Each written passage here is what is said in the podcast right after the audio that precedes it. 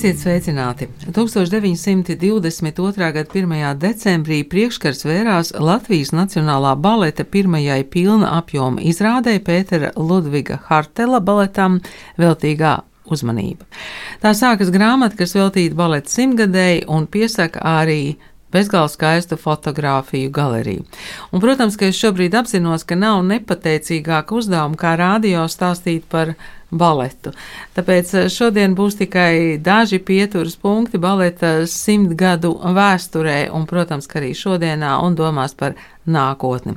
Un studijā ir horeogrāfa dejotāja, dejas pedagoģa un Latvijas kultūras akadēmijas profesora Gunta Bāliņa. Labdien! Labdien!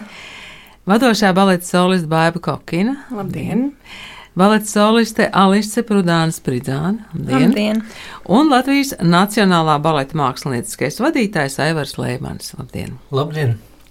Šodien mums šeit studijā bija tāds īpašs notikums, jo daži no jums pirmo reizi arī vēra vaļā grāmatu gadsimts vai viens mirklis, un eh, šī baletam, baleta simtgadē veltītā grāmata, es domāju, būs notikums, eh, ko varēs šķirstīt un pētīt gan tie, kuriem ļoti interesē balets, gan tiem, kuriem interesē fotografija, bet es šodien gribu sākt ar pavisam vienkāršu jautājumu, vai jūs atceraties baletu, kuru jūs pirmo reizi mūžā redzējāt?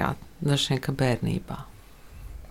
Man šķiet, ka es tiešām neatceros, bet jebkurā gadījumā tas bija tad, kad es atbraucu uz Rīgu mācīties baleta skolā, un uh, skolotāji mūs vienkārši veda uz uh, operu, un mēs skatījāmies visas izrādes pēc kārtas. Kura bija pirmā, es tiešām nepateikšu.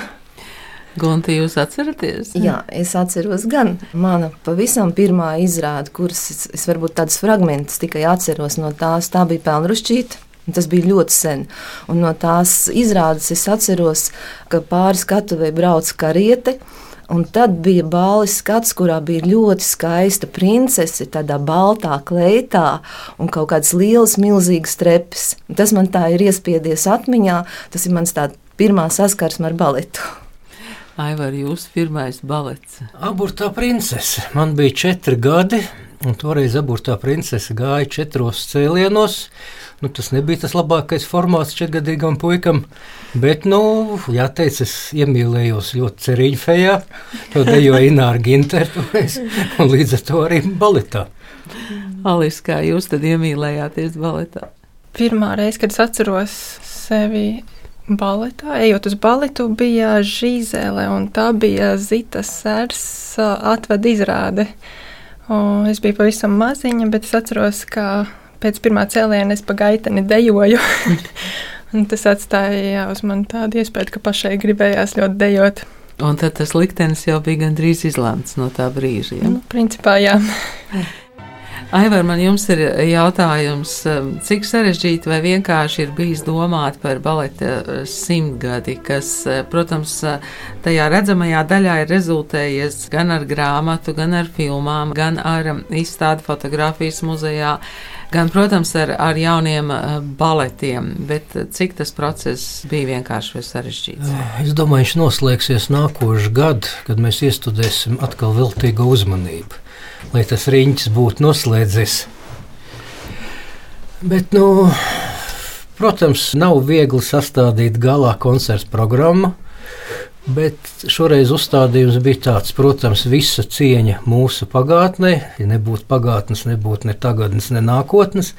Bet galā koncertā mēs fokusējamies uz kādi mēs esam pašlaik, kāds ir mūsu repertuārs, kāda ir mūsu dejotāji. Mēs parādām visus, visus mūsu dejotājus, simtprocentīgi visus, un arī tos dažus viesus, kas pie mums ir sākuši.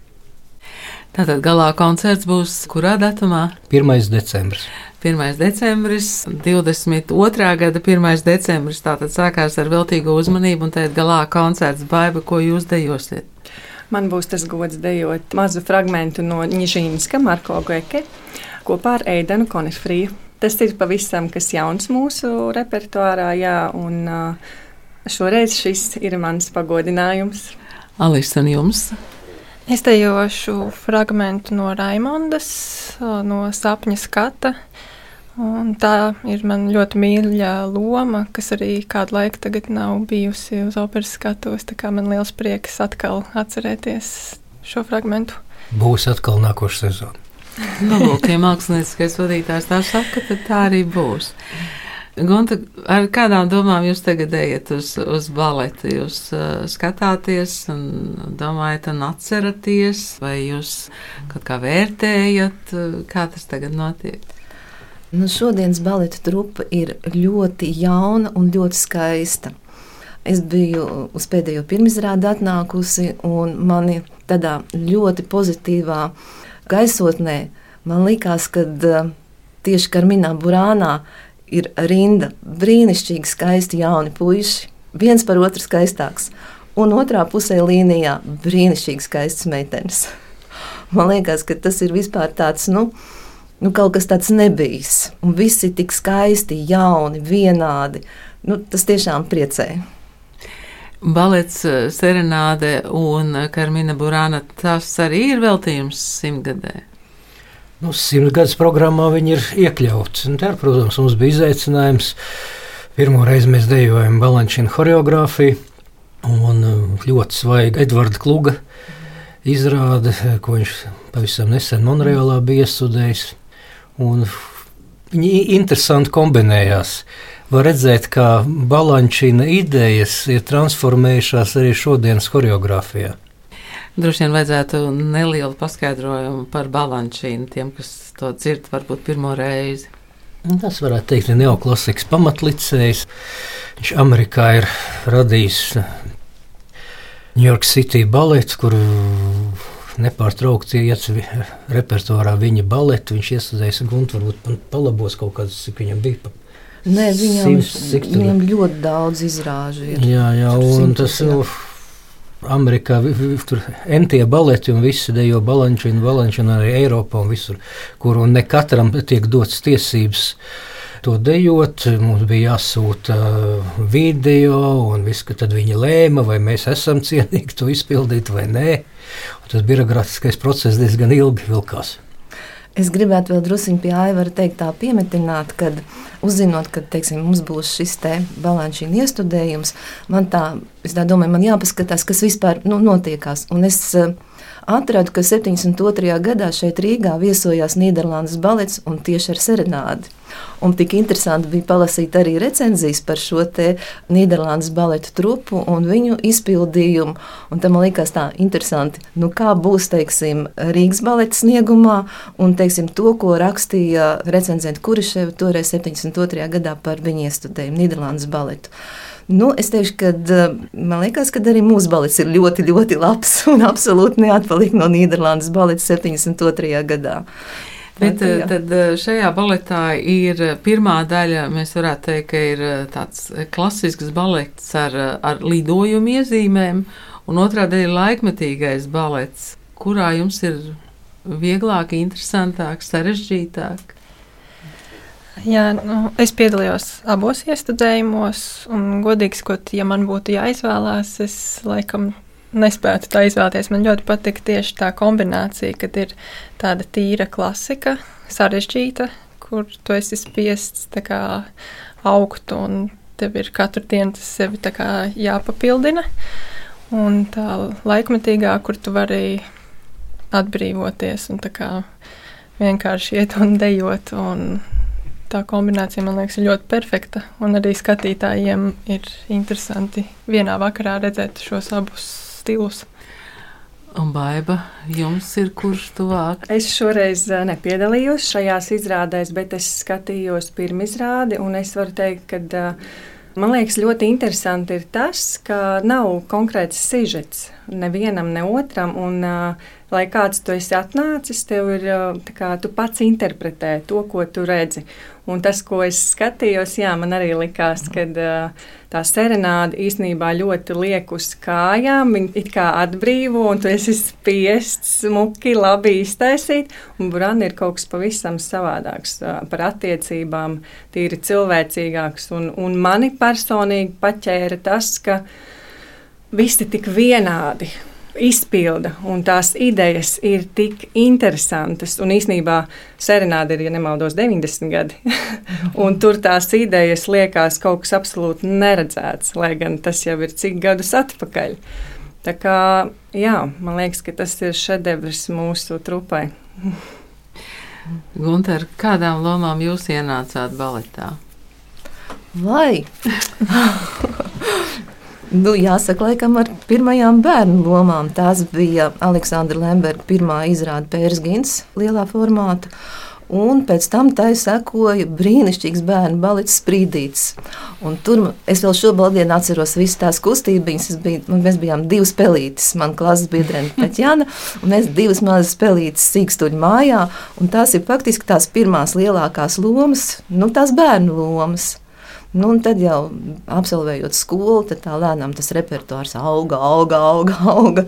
Nu, tā, bet tās pirmās noteikti bija tās mīļākās, tās skaistās bērnu lomiņas. Un, protams, arī vēl, kā Aivars teica, viņš redzēja pirmo aburto princesi, un tā arī bija viena no tādām vecajā iestudējumā. Tur bija tādi divi mazi pāžiņi, kur atvēra priekškaru paklanījās, un beigās izrādē atkal aizvēra priekškaru un paklanījās. Un tā bija tāda ļoti redzama loma. Aivar, ar ko jūs ienācāt teātrī, uzreiz ir prinči? Tieši teātrī, ne no es ar, protams, skolas, skolas laikā. Piedalījos izrādē. Man pirmā izrāde bija, ja nemaldos, pēc Čingizēta Mato, bija tāda asēla, tāds kritikas padomīs balets. Jā, jā. Un es tur biju dēls tiem galvenajiem varoņiem. Mm. Bet, nu, teātrī, ne, nu, sāka prinča draugiem, vēlāk uz prinčiem, un, mm. nu, nu, nebija mums toreiz tā laikmetīgā repertuāra. Nu, pārsvarā bija klasika, klasika, klasika. Bet eh, šobrīd ir gan klasika, gan laikmetīgais repertuārs, un eh, jau mūsu sarunas laikā vairāk kārt tiek eh, pieminēts, ka mēs varam redzēt Karmina Burāna fantastiskus, jaunus baletdejotājus. Ko tas nozīmē, ka trupa ir papildinājusies? Nu, varbūt tā bija laime, nelaime, kad Mums tāds bedra baleta skolā izveidojās, ka mums kaut kādas 4, 5 gadus pēc kārtas nebija puikas izlaiduma. Mēs bijām spiesti meklēt citur. Un tagad mums strādā dejotāji gan no Kanādas, gan no ASV, gan no Itālijas, Rumānijas. Un, un viņi tiešām viņi ir atbraukuši ar motivāciju strādāt. Viņi ļoti grib strādāt. Ir, nu, protams, atlases ir bijusi pēdējo reizi, kad es ieliku sludinājumu Uz vakāns atsaucās 250 dejotāji. Gan no Latvijas, gan no Austrālijas, gan no visurienes. Nu, ir, ir iespējas nokomplektēt pašlaik. Nu jā, baletā nav valodas barjeras, vai ne? Jūs tā nošūpojāt galvu, ka varbūt tomēr ir. Vai, Nē, vai nu. ir tādas skolas barjeras, vai, nu, piemēram, es nezinu, Krievu baleta skola, vai, vai Latvijas baleta skola, vai, vai Kanādas baleta skola, tas atšķirās? Nē, nu visticamāk, protams, ka atšķirās, bet nu, franču terminoloģija mums ir. Bet jāsaka, ka ar to vien tas neaprobežojas. Mums tomēr ir jāstarunājās, un jā, nereti sanāk latviešu, krieviski, angliski. franču, tad mēs tur tā starptautiski runājamies. Bet, kas ir labi, šobrīd visi mūsu vīrieši mācās cītīgi latviešu valodu. B1 ir jāzina. Jā. B1 ir jāzina. Es domāju, ka tā ir ļoti laba ziņa. Es šorīt uh, skatījos vēl šīs jaunās filmas par, par baletu. Dažādi autori ir radījuši dažādas filmas, ieskatoties gan mazliet vēsturē, gan, protams, ka aizskatuvē. Un um, aicinājuši, piemēram, balerīnas parunāties par baletu un uh, dzīvi pie jūras. Es šobrīd jums piedāvāju tikai nelielus divus fragmentus no Ivars Viedru un no Katrīnas Neiburgas filmām.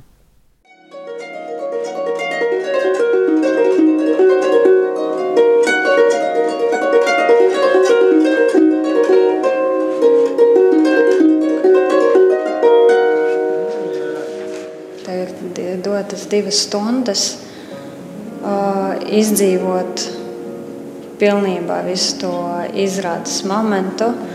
Tāpēc, ka uz skatuves stresa, gaisma, viņi noņem savu. Un, ja tu, piemēram, kaut kur neesi nostrādājis līdz galam zālē, tas dubultē izies ārā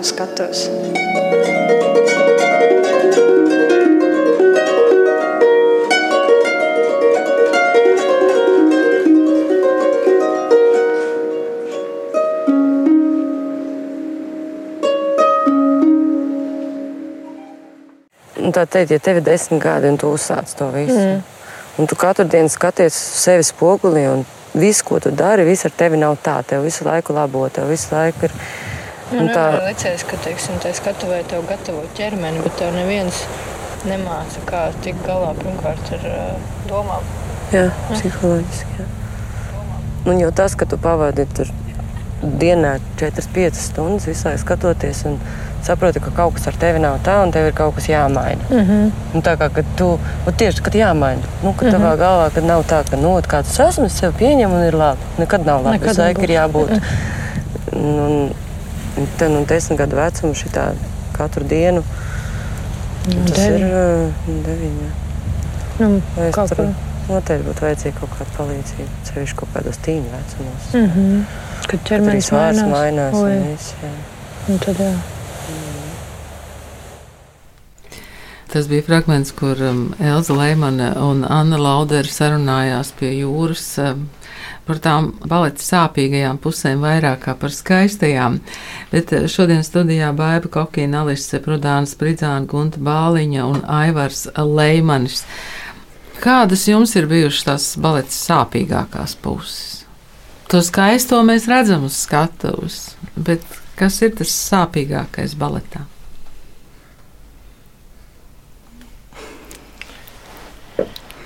Nu, es vienmēr uz sevi skatos jā, ļoti kritiski. Un mēģinu visu laiku labot to, kas man sevī nepatīk, ko es spogulī redzu, kas ir ne tā, vai izrāžu ierakstos. Bet man liekas, bez tās paškritikas nav arī iespēja augt. Un tas laikam tāds visu laiku sevi kā likt pie zemes un atkal iet uz augšu, un tad atkal nolikt pie zemes, un tad atkal mēģināt kā, iet uz priekšu. Un tas visu laiku ir nepārtraukts process. Jā. Ko Jā, jo teiks? principā tad, kad mums šķiet, ka mēs jau esam nu jau sasnieguši virsotni, tad tu apskaties video un liekas, nu, Jēzus, Marija, te vēl varēja to un to, un jā, nu, pilnveidoties mēs varam vienmēr. Bet mani šobrīd vairāk interesē tas, kā, teiksim, tīri pedagogs varētu ietekmēt dejotāju. Un šeit varbūt Gunta būs gudrāka pastāstīt, jo īstenībā nebas slavēt visu laiku drīkst, un arī nopelt īsti nedrīkst. Un atrast to vidusceļu, man liekas, tas ir pats svarīgākais. Un, vai ne, Gunta? Nē, nu, protams, ja mēs salīdzinām šo dienu, tavu laiku un Alises laiku, tad, tā, kad mēs ar Aivaru sākām dejot, tad nebija tāds video. Tad īsti jau mēs jau no malas neredzējām. Tad arī īpaši nu, nefilmēja tā.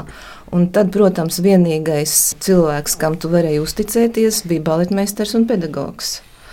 Un, nu, nevienmēr bija šie tādi slavas vārdi par izrādi, jo ļoti bieži teiksim, bija tā, ka nu, tu nodejo izrādi un tev liekas, ka, kā tu teici, jā, viss ir ļoti labi un tev atnāk pedagogs. Tas nekas nebija. Mm -hmm. Viņš neko neizdarīja. Saka, kā? Bet es tur tā, un, un man šitām, šitām ne, tur nekā nebija. Un reizēm arī teiksim, mūsu laikā, ja šīs sajūtas varbūt bija savādākas arī nekā jums, jo tev likās, ka tu šausmīgi aktieru meistarību tagad pielieto klāt un tur viss, un tas dejojums viņš nepāriet pāri rampai. Un it kā tāda, tev liekas, ka viss ir ļoti labi, un atkal ir reizes, kad tu domā, ah, es tagad uz pilnu klapu, kā būs, tā būs. Un tu pasaki, zini, bija baigi labi. un, jā, un mums nācās tiešām vairāk uzticēties saviem pedagogiem un baletmeistariem. Šodien, jā, pedagogiem ir salīdzinoši grūti, jo ir tiešām šis video, kurā tu vari apskatīties, un arī tavs audzēknis var pateikt, bet man liekas, ka man bija labi, es jums negribu piekrist. Tā, es esmu pārliecināts, ka ir labi. Un tad tev ir jāmāk pārliecināt vai kaut kādā veidā pateikt, bija labi, bet varbūt to vajadzētu tur un tur un tā un tā. Bet, protams, tā situācija, kā šobrīd ir, man liekas, ne tikai baletā, bet vispār kaut kādā nu, profesionālā ievirzē, pedagogam ir ļoti grūti. Jo šodien man liekas, šīs jauniešu un bērnu tiesības ir tik lielas. Oh, ka tev tiešām nākas meklēt to vidusceļu, jā, lai tu sasniegtu to savu vēlamo. Jā. Nu, varbūt mazliet ar stingrību, bet tajā pašā laikā viņš noteikti ir jāpaslavē. Vai jūs eh, varētu paskaidrot eh, šo te terminu pāriet pāri rampai? Es iedomājos, ko skatuves runas pedagogi teiktu, ka ir jāsūta tas Jā. vārds. Eh, tad, ko nozīmē baletā pāriet? Tas ir emocijas, viņas aiziet Jā. līdz zālē vai neaiziet. Tas ir ar kādu Viņas aiziet līdz otram balkonam. Jā. Aha. Un jūs, kā mākslinieckais vadītājs, arī pārbaudāt, kā tur ir? Nu, es parasti aizmugurē sēžu, tas jūtas, aiziet vai neaiziet. Bet kas attiecās par pedagogiem, toreiz un tagad ir liela atšķirība. Manā laikā bija normāli, ka pedagogs ka dod pa kāju pieciem Jā. pirkstiem, tad tie pieci pirksti uz, uz kājas paliek kā, kādu laiku. Jā. Mums tas slavens raksturdeļs skolotājs Blinovs. Oh, nu, tur bija tāda epitete, es Jā. nezinu, viņam tagad rokdzelžas neuzlikt par to tagad. Jā. Bet tagad kā notiek tas pedagoģijas process? Ar... Nu, krēslu tiešām nevar lidināt. Dejotāja virzienā. Jā? Manā virzienā lidoja krēsls, lēkām. jā. jā, tā kā tas viss notiek eh, daudz mierīgāk. Aivar, vēl tas jautājums par to sāpīgāko pusi baletā. Kā jūs teikt? Nu, ir fiziski sāpīgas lietas Labi, es neuzskaitīšu savus ģipsus un operācijas, un visu ko tādu. Bet, nu, sāpīgas lietas, ka tu gaidi kādu lomu, tev liekas, ka tu esi tam piemēros, pēkšņi tu savu vārdu tur neredz. neredz. Un tas laiciņš ir tik īss, tev atvēlēts, un um, tu zini, ka šī izrāde diez vai tavā karjeras laikā atgriezīsies. Un nekā. Jā, tā ir viena no sāpīgākajām lietām, un, protams, ka tas, um, tas īsais laiks, nu, cik tad ir atvēlēts baletdejotājiem? Nu, tas ir tā, pirmie gadi, kamēr iešūpojās. Jā. Jā. Pēdējie gadi, kad nu, visi zinām, visi ma ma mākam, bet, nu, diemžēl jau fiziski jau grūti paliek. Un vēl nedodies, kā tagad, ka vēl kaut kāds tur pa vidu pāris gadus vēl Covid atņem. Nu, tas pavisam bēdīgi. Man šķiet, ka tāds optimālais sanāk gadi desmit. Nu tā, tiešām, kad tu tā riktīgi vari dancot pieprasīts, un, uh, un to arī vari. Tad, kad tu jau liekas, ka esi diezgan gudrs tajā jomā, un tu tiešām vari jau ar savu ķermeni menedžēt skatus. Jā, iešūpošanās ir diezgan ilgi. Ko pandēmijas gadi ir nodarījuši jums? Man šķiet, ka viss absurdākais, ko es pandēmijas laikā dzirdēju, kad mēs arī šeit nedrīkstējām tikties ar cilvēkiem, un mēs visu rakstījām pa telefonu vai zūmām kad uh, man šķiet, ka baletā mēģināja Drakulu, un tad viena no balerīnām teica, ka viņi laiko tērpus zūmā. Un arī tas, kā notika baletā mēģinājumi tik ļoti ierobežotā telpā un tik ļoti ierobežoti, kā jūs tos gadus pārdzīvojāt, Alis? Tas nedaudz jau laimīgi ir piemirsies, bet nu jā, tas bija liels šoks, ka mums atnāca ziņa, ka jūs nedrīkstat nākt uz teātri. Tad likās, kā es tagad netrenēšos, kur es, ko es darīšu. Bet mums atveda katram pa linolei gabaliņam, un tad mēs trenējāmies. Pasniedzējs bija operā un caur zūmu. Mēs, kurš pie divāna, kurš virtuvē, kurš, kurš pie gultas. Un es atceros, bija ārkārtīgi interesanti pirmās stundas pie Aivara Lēmaņa, kad jau klātienē un uzdod kaut kādas tur tūres pagriezienus. Un liekas, ārpēc man dīvāns kaut kur netraucē, pēkšņi ir plašums. Jā. Bet tad, kad mēs atgriezāmies, es atceros, ka pirmais, kas man bija, mēs nostājāmies pie stāngas, tas plašums, un kad es izdzirdēju dzīvo klavieru skaņu, man pilnīgi zosāda aizgāja, ka Jā. tik skaisti. Jā, un tajā laikā arī tapa divi metri, vai ne? Nu, brīd, nu, tad brīdī tas bija ļoti aktuāls tēma. Jā, bet nu, tas trakākais, ka tiešām tika nozagts laiks. Mm. Tas, tas ir. Un kas bija pēc tam?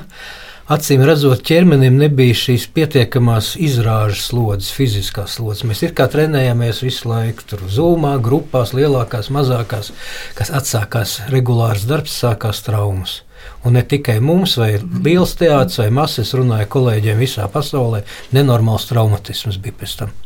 Vai tagad var teikt, ka esat tikuši tam pāri? Nu, tā kaut kur piesis. Īsti koks laikam nav, bet es ceru, ka, ka derēs.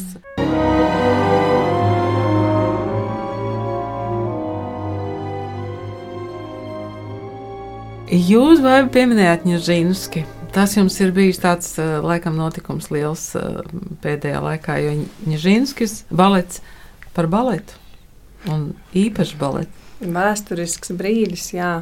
Bet uh, manī aizķēra, protams, tā ideja un uh, tas apjoms kustībās, kas uh, mūsu trupā nekad nav bijis. Man liekas, minūtē es nezinu, cik kustības mums bija jāatcerās un jāizdejo. Nu, tā ir tāda cita pieredze, un uh, mēs ar Elzu smējāmies. Biespienu paēdi pirms mēģinājuma. tas ir, lai atcerētos. Jā, jo tiešām tas kvantums ir uh, liels. Un, uh, es domāju, ka tas arī ļoti simpatizē īstenībā. Kaut kas ārprātīgi neredzēts, vai ne, Alis? Jā, tas tiešām bija kaut kas pilnīgi nebijis. Tas, tas temps tieši, jo sākumā likās, ka choreogrāfs to parāda tādā normālā tempā. Un viņš saka, bet neuztraucieties, tas būs piecreiz ātrāk. un tā arī notiek. Ja. Gunti, jūs arī skatījāties Nižīnski? Jā, jā, es principā sekoju gandrīz visām baleta izrādēm, kas notiekās. Es varu tikai apbrīnot trupu šodien. To, ko mākslinieki dara šodien uz skatuves, tas ir vienkārši apbrīnas vērts. Un pie tam, ja man jāsaka arī Aivara, tas milzīgais nopelns tajā, kad ir ielikās Latvijā laikam Rīgas balets ir viens no retajām tādām baleta trupām, kurā ir viss milzīgais klasiskais repertuārs un plus šī fantastiskā iespēja laikmetīgajā dejā. Nu, te var izpausties visās jomās. Mūsu laikā tā nebija. Jā, un šobrīd tas ir vienkārši fantastiski. Bija mums viens laikmetīgs, mēs mēģinājām ar tevi. Ah, jā, lasot jā, jā, jā. un, un bija arī izrāde. Ja? Jā, lasot Laumanu. Jā, pat Moskavā lielā teātrī dejojām. Jā, jā. Sakiet, ko tas nozīmē? Kā to atšķirību var, var pateikt vārdos starp klasisko un laikmetīgo baletu? Kad mēs skatāmies, mēs, protams, to redzam, bet kā to varētu noformulēt? Tā ir cita plastika pilnīgi cita plastika un cits uzstādījums. Akadēmiskais balets, lielās klasiskās izrādes, viņas ir skaistas, bet viņas prasa pilnīgi citu ķermeņa nostādīšanu. Un, tāpēc es teicu, es ļoti abrīnoju šobrīd mūsdienu, nu, mūsu baletu, kad viņi spēja pāriet no viena šī stila, pāriet uz otru. Jo savukārt laikmetīgais un modernais viņš prasa pilnīgu atbrīvotību. Ja klasikā ar līku muguru nepadējos, tad šeit ir kaut kādas lietas, kurām ir obligāti jābūt šī līkā mugura. Ja teiksim, klasikā ir ļoti vieglas, gaisīgas, plastiskas rokas, tad šeit var būt visādas tādas asas un viss kaut kas, teiksim, pilnīgi pretējs klasikai. Nu, saku, tas ir apbrīnoši, ja, kad mēs šobrīd varam redzēt absolūti visu. Un to, ka viņi tiek ar to galā. Un uh, meitenes vienkārši smaida. Uh, nē, nu tas, protams, prasa krietni vairāk piepūli, jā, jo kamēr tavs ķermenis adaptējas, uh, ir vajadzīgs laiks. Bet uh, man šķiet, ka tomēr klasiskie dejotāji ar moderno var tikt krietni labāk galā nekā otrādāk. Ja, ja modernie dejotāji sāktu dejot klasiku, man šķiet, nē, nē, ka nē, tur nē. īsti nesanāks, vai ne? Kāda ir tā pasaules pieredze mūsdienās baletā? Tomēr apgūst vispirms klasisko baletu. Nu, protams, tas ir kā mugurkauls visam. Uz tā bāzes tālāk var būvēt arī laikmetīgās kompānijas, gan ņemsim, gan Jaunas opera, Nīderlandes dansa teātris. Viņi, viņi visi taisa klasiku pamatā, un tad tālāk jau savu laikmetīgo repertuāru. Kā jūs būvējāt šo grāmatu, gadsimts vai viens mirklis? Man jāteic, ka tik nopietna grāmata, laikam, pēdējo reizi bija 43. gadā Latvijas balets. Man šķiet, ka es atceros no bērnības mm. grāmatas stāvēja kaut kur grāmatplaukā. Viņam bija gan latvijas, gan francijas, gan vācijas dažādos izdevumos. Mm. Nē, nu, nu nevar aptvert visu Bet nu, centāmies pēc iespējas, lai būtu vēsturiskā sadaļa. Mums bija desmit gadi atpakaļ diezgan arī tāda izsmeļoša grāmata par mūsu repertuāru. Tāpēc mēs negribējām atkārtoties. Tad, tad tā otrā daļa būtu par uh, pēdējiem desmit gadiem. Un tad uh, trešā daļa ir nu, baleta mākslas foto. Tas baleta mākslas foto jums arī nācās saskārties ar, ar fotomāksliniekiem, kur nāca fotografēt? Bija kaut kā īpaši jāpozē, vai, vai viņi ķēra to mirkli un kustību? Nu, mums bija dažādi īstenībā, vairāki varianti, kā mūs fotografēja gan studijā, gan operā un vairākos elementos. Un mums ļāva izpausties īstenībā ne tikai kā portretu, bet arī kustībā mūs nedaudz bildēja. Es pati vēl visu neesmu redzējusi, bet man šķiet, ka rezultāts ir ļoti skaists. Tika uzrunāts septiņi izcili fotomākslinieki. Un viņi katrs savu redzējumu veidoja. Jā, katrs droši vien to valetu arī saskatīja no citām pozīcijām, no cita skatu punkta. Tas skatītājs un enerģija, nu, enerģija, kas varbūt pat līdz pandēmijai šķita vairāk mm. no ezotērikas jomas, mm. kaut kas nenoformulējams, tad, tad, kad sākās pandēmija, tad pēkšņi mēs tīri fiziski sajūtām, ka nav tās mm. enerģijas, tā nav tās enerģijas apmaiņas. Un eh, šobrīd vēl viens neliels fragments eh, no Inetes Sipunovas eh, filmas par baletu un enerģijas nezūdāmības mm. likumu. Tā iedvesma un svēta sajūta, tā, tā, kurā tevi priecē un būtu skatuves, justu atmosfēru un būt ar cilvēkiem, kas arī ir mākslā un dalīties ar to enerģiju, ar skatītājiem. Un skatītāji arī ar to enerģiju dalās ar tevi un orķestris lielisks. Jā, tas viss kopdarbs, tas viss tā teātra, viss katrs tas mehanisms, jā, tad, ir liels prieks un gandarījums būt vienai daļiņai no tā lielās planētas. Es nezinu, man liekas, tas ir uh, kaut kāds tāds brīnums. Tas ir uh, fiziskais, emocionālais. Garīgais brīnums, kas uz skatuves notiek balts. Tas ir tāds uh, mirklis, gatavojies kaut kam tik ilgi fiziski. Nu, tikai tāds maratons, kam tu gatavojies, tu izrādi sagatavot, viņi izdara. Un tad tāds prieks un labi padarīta darba sajūta. Tad nu, diezgan nebeidzami visu laiku, kā gribās vēl. Ir tas brīdis, tas ir mirklis, kad tu izbaudi to skatuves un pārdzīvo katru lomu caur sevi, katru dēlu vajag iznest caur sevi, pastāstīt kaut ko skatītājam, pateikt savu izteiktu emocionālu fonu. Kā, kas tev ir uz dvēseles, man liekas, tas ir kas saistīts vairāk ar to enerģiju un ne to enerģijas brīdi, tieši uz skatuves. Tās emocijas, kad uh, tas adrenalīns, tas stress. Un, uh, es jau šodien, pat pirms izrādes, domāju, ārprāts. Tas uztraukums ir tik liels, ka pilnīgi liekas, jau dažkārt tu jau nekontrolē to savu ķermeni, tev jau ir tāda panika viegla. Un es arī sevi pieķēru pie tās domas, kāpēc, kāpēc tev šī panika tajā pašā laikā patīk?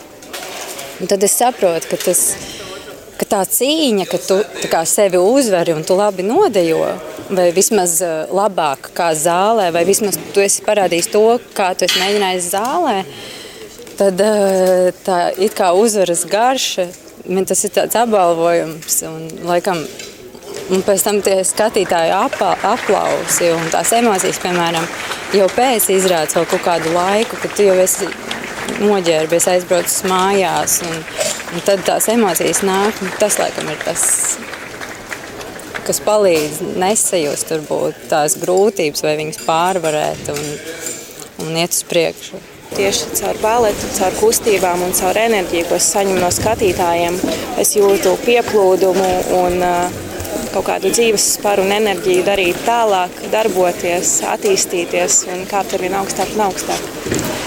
No, no, no adrenalīna vismaz dejotājiem noteikti man šķiet, ka Tas ir kā, kaut, kaut kāds tāds kaut kas netverams, kaut kāds gardums, ko tu gribi vēl un vēl un vēl. Arī tad, ja tev izrāda, varbūt īsti nesēž kājās, bet tu zini, ka tu tā vai tā gribi vēl un vēl, un tu nevari apstāties. Jā, tie bija tikai daži izteikumi par to, ko nozīmē tā īpašā enerģija un īpašā baleta maģija. Jūs sākumā pieminējāt um, klasiskas baleta izrādes, ar kurām droši vien, bērnībā iesāk un uh, iepatīkas. Nu, tur būtu abortā princese, un tur droši vien ir riekstkods, un tur ir gulbju ezers. Un tagad nāks Ziemassvētki, vai ir izrādes, uz kurām aizvest uh, pirmo reizi cilvēku uz baletu? biļešu nav. nu, labi, bet izrādes ir. es domāju, ka jūs varat priecāties, vai ne? Nu, Rīkstkods, es domāju, ir tiešām tā izrāde, uz ko bērnu pirmo reizi vest. Lai gan es domāju, ka varētu jau Aivar Leimanu kādu sprīdīt atjaunot. es domāju, paš, jāsaka Karlsona. Un pēc tam, pēc tam varētu arī Riekskodu un Kopēliju un Aborto. Un mums pēc gada taps Raimons Martīnos eh, studēs džungļu grāmatu Maugls. Mm. Tā, kā, nu, tā ir ļoti interesanta ziņa. Mm. Vai ir tie lielie mm, balerīnu sapņi par lomām, kurus jūs izsapņojat? Vai to nedrīkst teikt? Nē, nu skaidrs, ka sapņojam, kura balerīna nesapņo par visām iespējamām lomām. Nu skaidrs, ka visu gribās dejot, bet, nu, kas attiecās uz mani, man šķiet, ka es esmu izdejojusi visu vairāk vai mazāk. Man ir bijusi tā laime, un uh, tā ir noteikti liela privilēģija, jo, teiksim, ģimenē, dzīvē, nu, noteikti nevar būt ne ragana, ne princese, ja? bet uz skatuves droši tās emocijas es varu spļaut ārā. Nu, jā, tā ir privilēģija. Alis, jums arī ir tas spektrs no, no princeses līdz raganai? Vai tomēr klasiskās uh, princeses? Nē, man īstenībā ir uh, dažādas lomas, gan liriskās, gan arī dažas tādas rakstura lomas, var teikt. Bet, jā, protams, ir īpaši, kad tu sāc dejot, tu sapņo par visu, ko vien varētu nodejot. Kaut kādā momentā tev iestājās arī tāda realitātes sajūta. Tu saproti, ko tu vari un ko tu nevari, un kur tev vēl ir jāstrādā. Bet katrā ziņā šobrīd man laikam ir arī ļoti interesanti, jauni, radoši kaut kādi darbi, kas tiek radīti tagad un šeit. Tas ir ļoti interesanti. Vienmēr kaut kas īpašs top. Aivar, cik jūs varat atklāt eh, no nākotnes plāniem Latvijas baletām? Jūs pieminējāt, ka pēc gada būs vēl tāda uzmanība. Eh, pavasarī būs eh, Radu Poklitaru, studēs baletu Vīs pēc slavenā Gogoļa darba. Mums Drakula ļoti labi aizgāja. Jūs turpināt nākamajā šausmu stāstā. Nākošais. Tā būs veltīgā uzmanība, tā būs šī džungļu grāmata, tie tie tuvākie. Nu, un kā jubilejas svinēsiet, tātad galā koncerts, bet jūs sanāksiet varbūt arī visi kopā? Es nezinu, nu, vai nu, kūku sēdu paletā. pēc galā koncerta noteikti, un jāteic, ka būs mani kolēģi diezgan daudz sabrauks dažādi baleta vadītāji. Tālākais būs no Bostonas baleta vadītājs. Tā kā būs tāda liela kopā sanākšana. Un tad eh, jāiet kūks Pavlova. Paldies jums eh, liels šodien par sarunu. Es novēlu jums, lai, lai tās emocijas iet pāri rampai, un lai mēs tās emocijas saņemam, un lai jums ir uh, skaisti mirkļi uz skatuves zālē un kopā ar kolēģiem, kopā ar audzēkņiem. Paldies jums par sarunu. Šodien studijā bija Gunta Bāliņa, Baiba Kokīna, Alise Prudāna Spridzāne un Aivars Lēmanis.